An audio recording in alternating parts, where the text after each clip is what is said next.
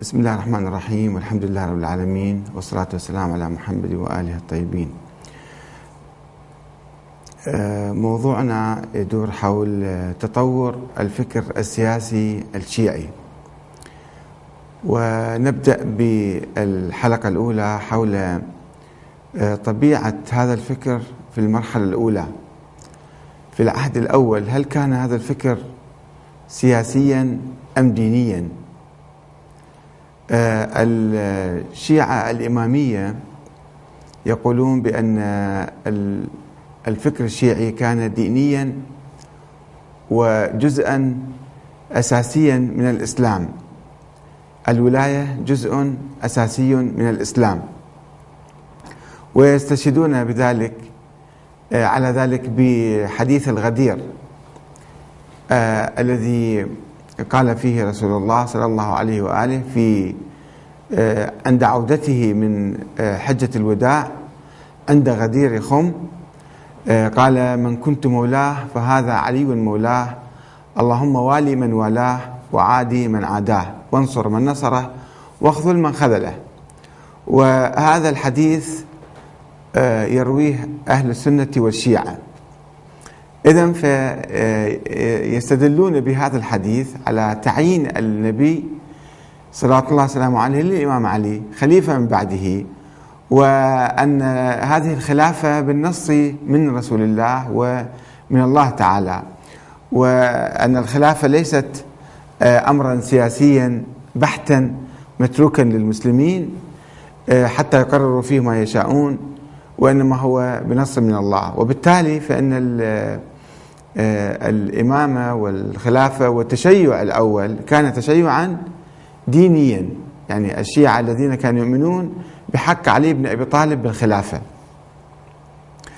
هذا دليلهم آه، آه، ولكن المؤرخون يجادلون في هذا الموضوع. أن المعنى من حديث الغدير هل كان معنى سياسيا أم كان دينيا؟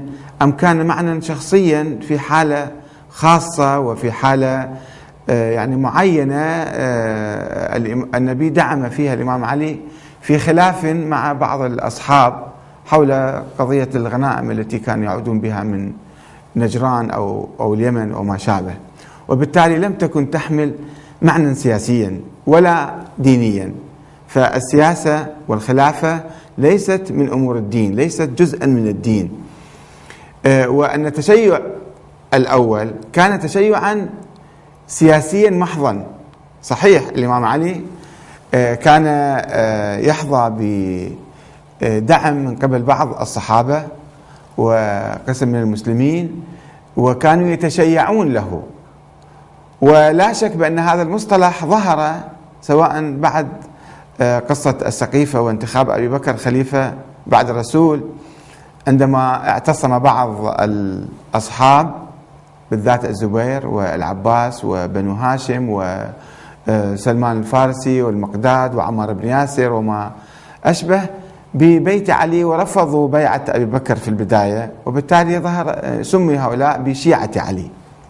أو ظهر بعد آه، مقتل عثمان عندما انقسم المسلمون إلى حرب آه، حرب الجمل فظهر شيعة علي وشيعة طلحة والزبير. أو حتى بعد ذلك عندما نشبت الحرب بين علي ومعاوية فأصبح شيعة علي وشيعة معاوية. التسمية ظهرت كلمة شيعة هي كلمة عامة طبعا. يقصدون فيها الأنصار والأتباع أو المحازبون مثلا. آه، ولكنها آه، واستعملت آه، يعني مقرونة بعدد من الأصحاب شيعة عثمان شيعة طلحة شيعة الزبير شيعة معاوية شيعة علي. ولكن كلمة الشيعة أو مصطلح الشيعة أصبحت مصطلحا على شيعة علي بالذات عرفت عبر التاريخ أنه الشيعة عندما نطلق كلمة شيعة يعني شيعة علي. السؤال إذا كان يدور حول أن آه، هؤلاء الشيعة الأوائل أو التشيع الأول. كان تشيعا سياسيا عاديا محضا كسائر الشيعة التي كانت موجودة في تلك الأيام. أم كانت آه، تحمل يعني أو كان هذا المصطلح يحمل معنى دينيا بناء على قصة الغدير وأن الذين شايعوا الإمام علي هم آه، شايعوه على أساس أيديولوجية معينة على أساس عقيدة دينية معينة أن هذا شخص معين من قبل الله تعالى. فنحاول أن ندرس آه، آه، هذه القصة وهذا الأمر ونتأكد فيما إذا كان التشيع الأول تشيعا سياسيا محضا أم تشيعا دينيا أو روحيا معنى عقديا. آه، هناك عدة أمور يجدر بنا أن ندرسها. أولا العلاقة بين الإسلام وبين السياسة. هل يوجد في الإسلام دولة؟ هذا سؤال مهم يجب أن نجيب عليه. هل أقام الرسول صلى الله عليه وسلم عليه مملكة ودولة أم جاء بدعوة فقط؟ هل أصبح ملكا كالملوك الآخرين أم كان نبيا فقط؟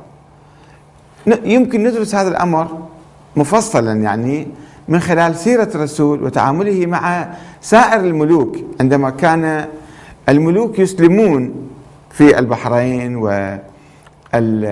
وعمان واليمن وحتى عندما بعث رسائله إلى الملوك كان يقول لهم أسلم تسلم ويبقى لك ملكك.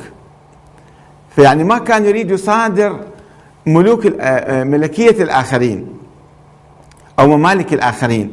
كان يحافظ عليهم ويعينهم ويبقيهم ملوكا وكان فقط يكتفي منهم بالإذعان للدعوة الإسلامية.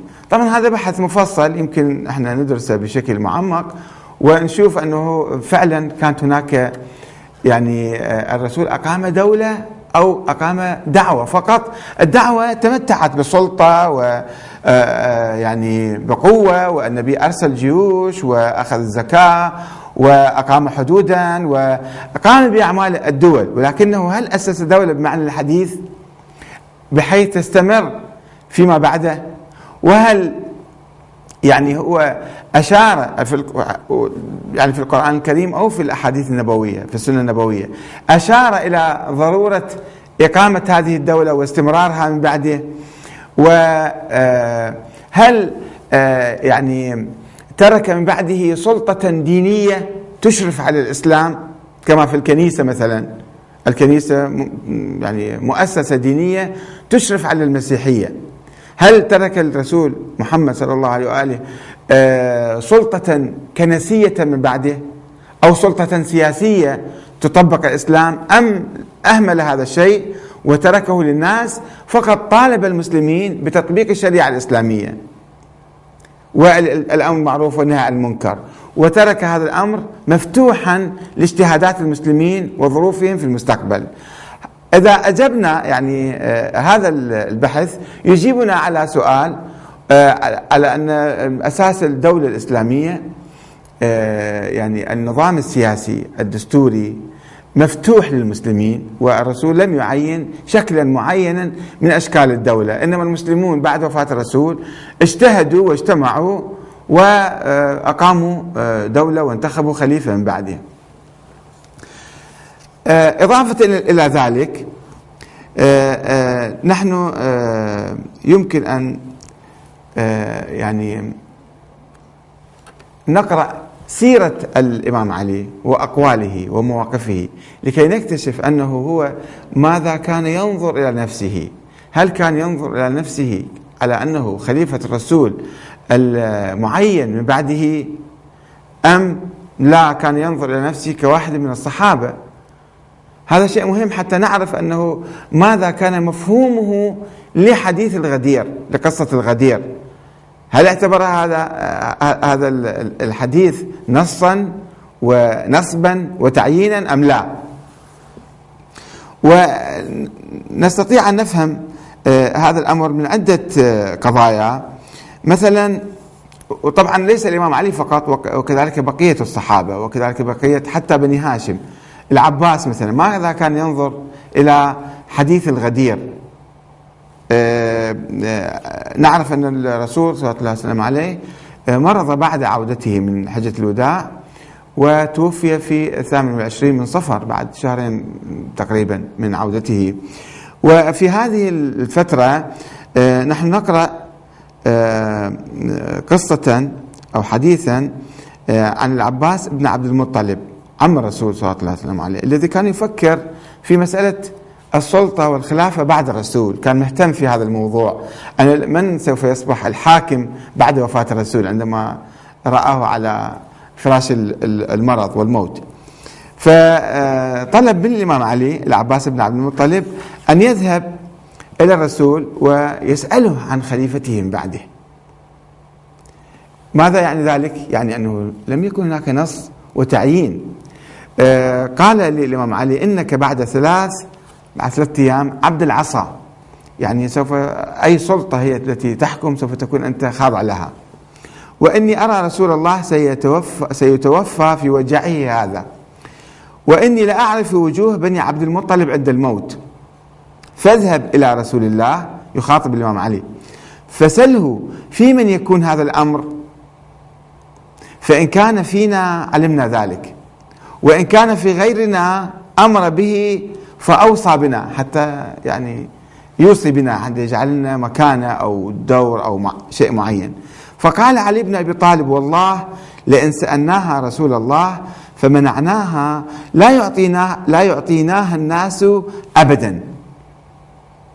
إذا قال لا خلص بعد الناس أبدا ما يعطونا إياها. والله لا أسألها رسول الله أبدا. رفض الإمام علي أن يسأل رسول الله من يكون الخليفة من بعده. يعني ماذا؟ يعني حديث الغدير لم يكن نصا بالإمامة والإمام لم يكن يعرف نفسه معينا من بعده. وبعد وفاة رسول الله بعد ما توفى رسول الله طبعا هذه القصة يذكرها آه، الطبري وابن آه، هشام. وبعد وفاة رسول الله حاول العباس اقتناص الفرصة أيضا مرة أخرى فقال لابن أخيه علي بن أبي طالب أمدد يدك أبايعك بسرعة مد إيدك حتى أبايعك وآتيك بهذا الشيخ من قريش يعني أبا سفيان.